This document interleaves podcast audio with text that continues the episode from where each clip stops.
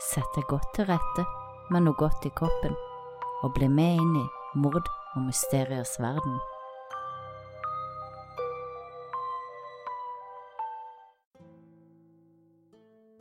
Glico er en japansk matfabrikk som har forretninger i mer enn 30 land i Nord-Amerika, Asia og Europa. Og klokka ni om kvelden den 18. mars 1984 brøt to maskerte menn som er caps, bevæpna med pistol og rifle, seg inn i hjemmet til Katsuhisa Isaki, den øverste lederen på matfabrikken Glico.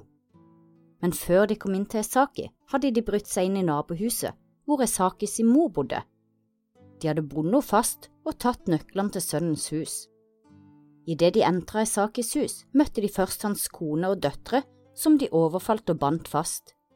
I mellomtida hadde Isaki, som hørte hva som skjedde, gjemt seg på badet sammen med sine to andre barn. Esakis kone trodde først at mennene var vanlige innbruddstyver, og forsøkte å overtale dem til å slippe dem fri mot en betydelig sum med penger. Men mennene var ikke interessert i det. I stedet gikk de bort og kutta telefonlinja før de storma inn på badet, hvor Esaki og de to andre barna gjemte seg. Esaki fikk panikk og ropte og skreik etter hjelp, noe som gjorde de to mennene sinte, og de trua med å drepe han om han ikke roa seg ned.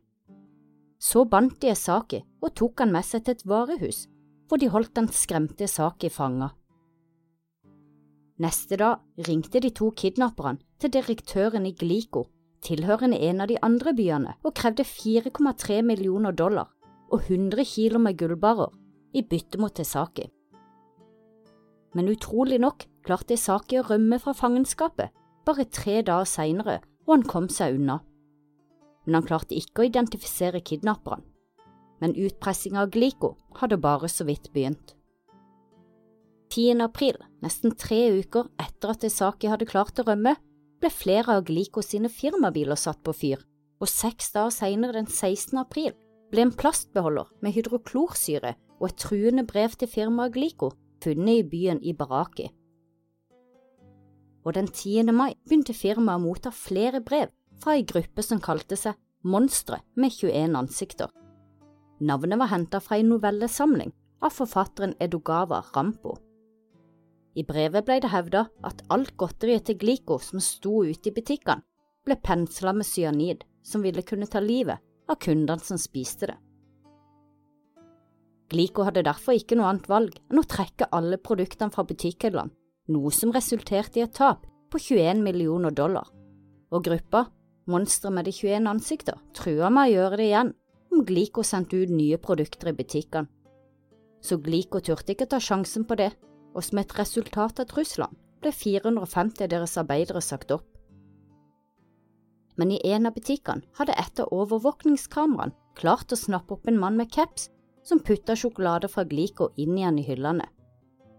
Politiet friga bildet til mediene i håp om at noen ville gjenkjenne mannen. Og ikke lenge etterpå så mottok politiet flere brev fra monstre med 21 ansikter hvor de håna arbeidet til politiet. Kjære dumme politietterforskere, ikke fortell løgner. Alle kriminelle handlinger starter med en løgn, som vi sier i Japan. Vet dere ikke det? Og i et av de andre brevene så sto det Hvorfor holder dere det ikke for dere selv? Det ser ut som dere er forvirra og uten ledetråder. Så hvorfor ikke la oss hjelpe deg? Vi vil gi dere et hint. Vi kom oss inn på fabrikken via frontdøra. Skrivemaskinen som vi bruker, er en panwriter. Plastikkbeholderen med hydroklorsyren var søppel fra gata.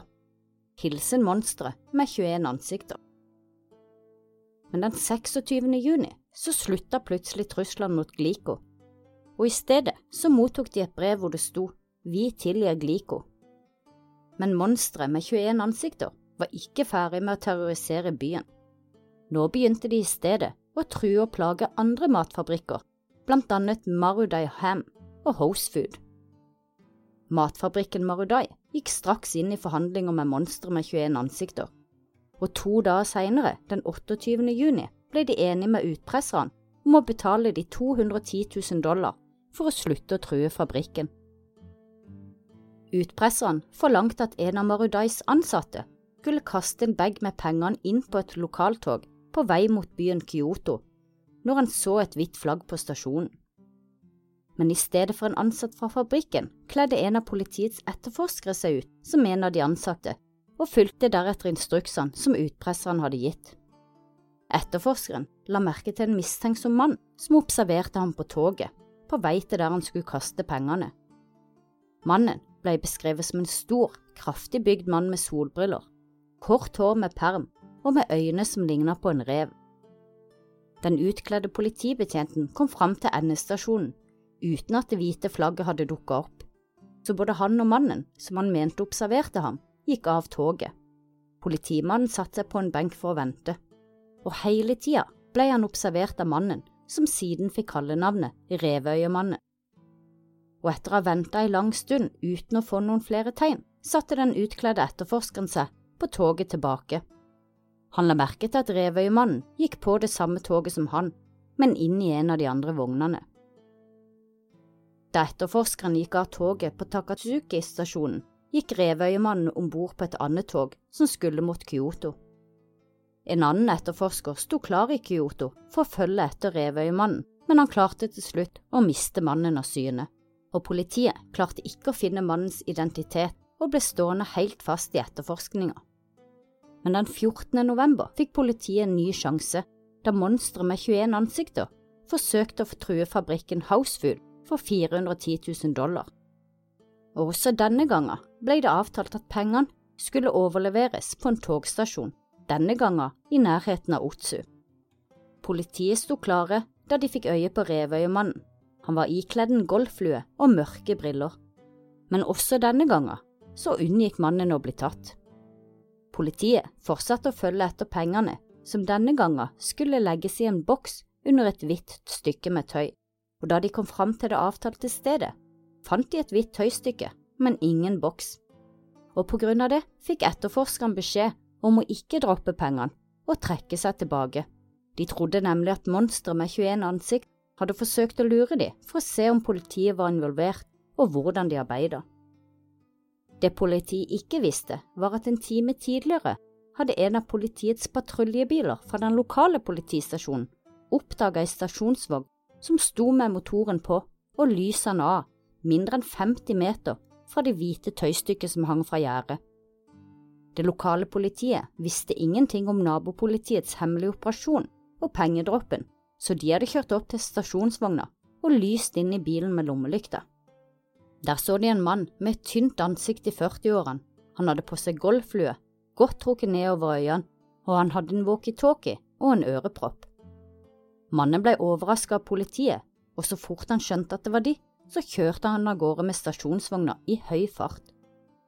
Politiet heiv seg på hjulet etter ham, men mista til slutt stasjonsvogna av syne. Dagen etter ble stasjonsvogna funnet forlatt i nærheten av Kusatsu-stasjonen, og bilen viste seg å ha blitt meldt savnet to dager tidligere fra et lite sted i byen Kyoto. Inni bilen så fant de en radiosender som viste seg å kunne tyvlytte på seks forskjellige politidistrikt, inkludert de tre distriktene hvor de hadde avtalt at pengene skulle overleveres. De fant også en støvsuger i bilen, men ingen spor gode nok til å spore opp monstre med 21 ansikter. Yamamoto var politimannen som hadde ansvaret for etterforskninga av gruppa monstre med 21 ansikt, og han ble mer og mer fortvila da de ikke klarte å finne ut hvem som sto bak og gruppa fortsatte å plage, true og skremme byens fabrikker, og etter å ha presset Housefood over lang tid, så stansa de plutselig. Og i desember 1984 retta gruppa nå oppmerksomheten mot en annen fabrikk ved navnet Fujia. I januar 1985 bestemte politiet seg for å offentliggjøre en polititegning av Revøyemannen, i håp om at publikum kunne hjelpe dem. Det kom inn noen tips, men ingen tips som ledet dem til det de mente var Revøyemannen og i mellomtida fortsatte gruppa å terrorisere og true byens fabrikker. De sendte også brev til politiet hvor de gjorde narr av etterforskninga.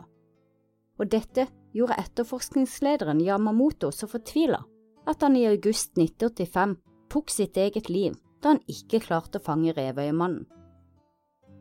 Fem dager etter Yamamoto sin død fikk media tilsendt det som skulle bli det siste brevet fra monsteret med 21 ansikt og der sto det følgende.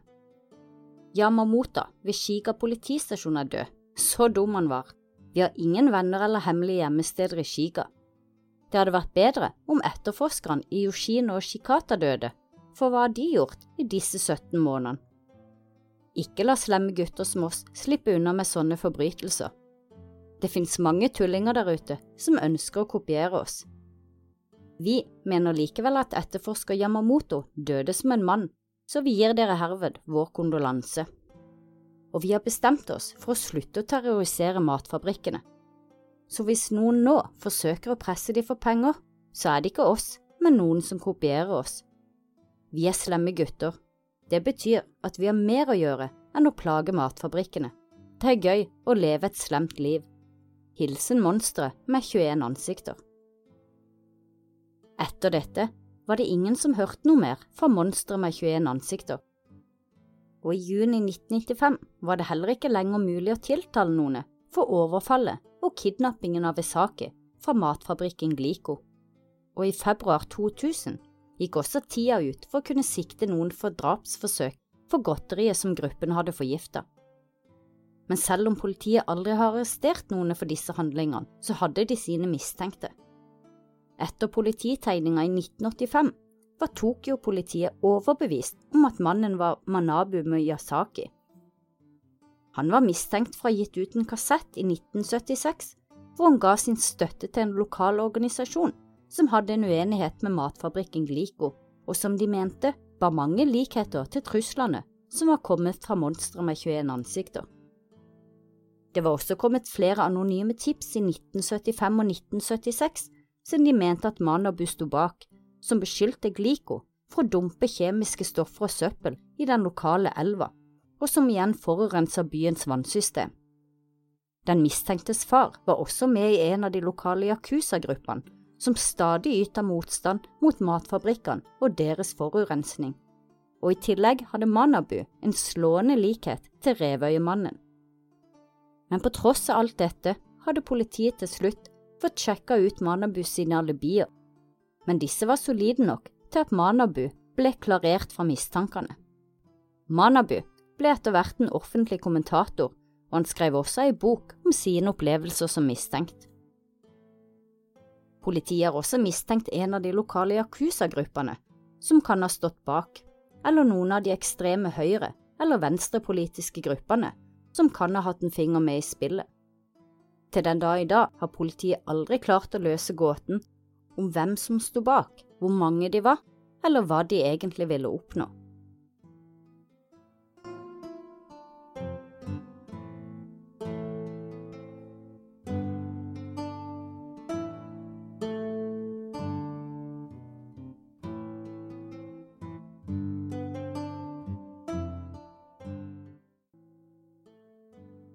Natalie Bollinger 19 år gamle Natalie forsvant fra familiens hjem i Colorado 28. desember 2017, og bare noen uker tidligere hadde Natalie lagt ut en lang melding på sin Facebook-vegg hvor hun fortalte om en mann som hadde forfulgt og plaga henne i to år. Hun identifiserte mannen til å være Sean Swartz, og hun skrev følgende innlegg på Facebook. Jeg møtte denne mannen da jeg var yngre, for ca. to år siden. For å gjøre en lang historie kort, jeg møtte han tilfeldig, og vi ble venner. Jeg hjalp han med kjøring og forskjellige ærend. Så flyttet jeg til Virginia, og han kjørte på tvers av landet for å se meg. Flere uker sov han bak arbeidsplassen min, og det siste året har han nesten daglig sendt meg e-poster hvor han truer og plager meg. Og hver gang jeg blokkerer han, så lager han bare en ny konto. Han truer familien min, og han truer med å ta livet sitt foran øynene mine, og han sender også truende meldinger til min familie og venner. På det tidspunktet som hun la ut meldinger på Facebook, hadde hun flytta tilbake igjen til Colorado, og da hun plutselig forsvant og ble meldt savna, ble mistanken umiddelbart retta mot Sean. Sean derimot gikk hardt ut på Facebook og hevda å være uskyldig. Og bare dager etter at Natalie forsvant, ble hun sin livløse kropp funnet i veikanten i nærheten av Adamsdistriktet, og politiet kunne fastslå at Natalie var blitt drept. Politiet var overbevist om at Sean sto bak, men da politiet begynte å etterforske han, så oppdaga de at Sean ikke engang hadde vært i samme delstat som Natalia den dagen som hun forsvant og ble drept. Så politiet hadde ikke noe annet valg enn å slippe Sean fri og erklærte offisielt at han ikke lenger var under mistanke. Blant venner og familie og andre som fulgte saken, gikk det fort rykter om at Sean måtte ha brukt en leiemorder. De var ikke i tvil om at Sean sto bak. Men den 8. februar 2018, halvannen måned etter at Natalia ble funnet drept, arresterte politiet en 22 år gammel mann ved navn Josef Lopes, og de sikta han for drapet på Natalia. Det viste seg at Josef var leiemorder, men til alles overraskelse var det ikke Natalias plageånd Sean som hadde leid han inn. Josef kunne fortelle politiet at det var Natalie sjøl som hadde leid han inn til å ta livet hennes. Han kunne fortelle at Natalie hadde lagt ut en post på Craiglist, som er Amerikas svar på finn.no, med tittelen Jeg vil ha en leiemorder til meg sjøl. Posten var laga av Natalie den 28. desember 2017, samme dag som hun forsvant. Josef sa at han svarte på posten, og at han og Natalie møtte hverandre på kvelden, samme dag som hun la ut annonsen. De hadde kjørt rundt og pratet og diskutert hvordan hun skulle betale for drapet, og hvordan han skulle drepe henne. Deretter hadde han skutt henne i hodet og etterlatt henne i grøftekanten hvor hun ble funnet et par dager senere. Obduksjonsrapporten bekreftet at hun døde av et skudd i hodet, og det ble også oppdaget at Natalia hadde en dødelig dose heroin i kroppen på tidspunktet hvor hun døde. Og i desember 2018 så inngikk Josef en avtale hvor han erklærte seg skyldig i medvirkning til drap på Natalia. Han var i utgangspunktet sikta for forsettlig drap, men ved å inngå avtalen og si seg skyldig i medvirkning, så unngikk han dødsstraff og fikk i stedet en dom på 48 år og fem års prøvetid. Josef hevda at selv om han svarte på Natalie sin Craigslist-annonse, så hadde han forsøkt å snakke henne fra det hele, men at Natalie fast bestemte på at hun ville dø, og at han skulle gjennomføre det. Selv hadde hun oppgitt problemer med kjæresten som grunn til at hun ønska å bli drept. Han sa at de ba en bønn i sammen, før han skjøt henne en gang i hodet. Etterpå kjørte han fra stedet med våpenet og Natalie sin veske. Familien til Natalie ble svært opprørt da statsadvokaten hadde tilbudt Josef avtalen om å si seg skyldig i medvirkning til drap, da familien ikke ønska dette. De ønska at Josef skulle få det fulle ansvar for drapet og sitte resten av livet i fengsel. Selv om Natalia ønska å dø, kunne han ha stoppa det, han kunne funnet hjelp til henne, eller latt være å skyte henne selv om hun insisterte. Familien er også vanskelig for å akseptere at Natalie selv ba om å bli drept, selv om alle bevis peker i den retninga. Og noen har gått så langt at de ennå skylder på Sean og mener det var han som drev Natalie til vanvidd, og kanskje til og med opprettet annonsen for henne. Men politiet er sikre i sin sak om at Natalie sjøl laga annonsen og ønska å dø, men ikke klarte å gjennomføre det på egen hånd, og derfor søkte etter en leiemorder. Foreldrene til Natalie har mista all tro til rettssystemet og er svært skuffa over hvordan politiet håndterte saken. Og det er jo forståelig at foreldrene har vanskelig for å akseptere at Natalie valgte å dø på denne måten, men alt tyder på at det foregikk slik som Josef har forklart. Ingen vet hva som foregikk i hodet til Natalie denne dagen, var hun bare lei av alt etter å ha blitt plaga av Sean i to år? Var hun blitt avhengig av heroin, eller brukte hun det kun den dagen for å klare å gjennomføre bestillinger som hun hadde bedt om? Eller er det ting politiet ikke har etterforska godt nok? Eller var det bare slik at den unge jenta ville dø fordi hun hadde problemer med kjæresten? Kanskje håpa hun at Sean skulle få skylda som hevn for trakasseringen som han hadde gjort mot henne de to siste årene. Uansett svar er ikke politiet i tvil om at Natalie selv bestilte drapet og hadde et ønske om å dø akkurat denne dagen, et ønske hun dessverre fikk oppfylt. Det var alt for denne gang, takk for at du lytter. Nå tar jeg sommerferie sammen med ungene, så da er jeg nok ikke tilbake igjen før i august. Da håper jeg alle får en skikkelig god sommer og en god norgesferie.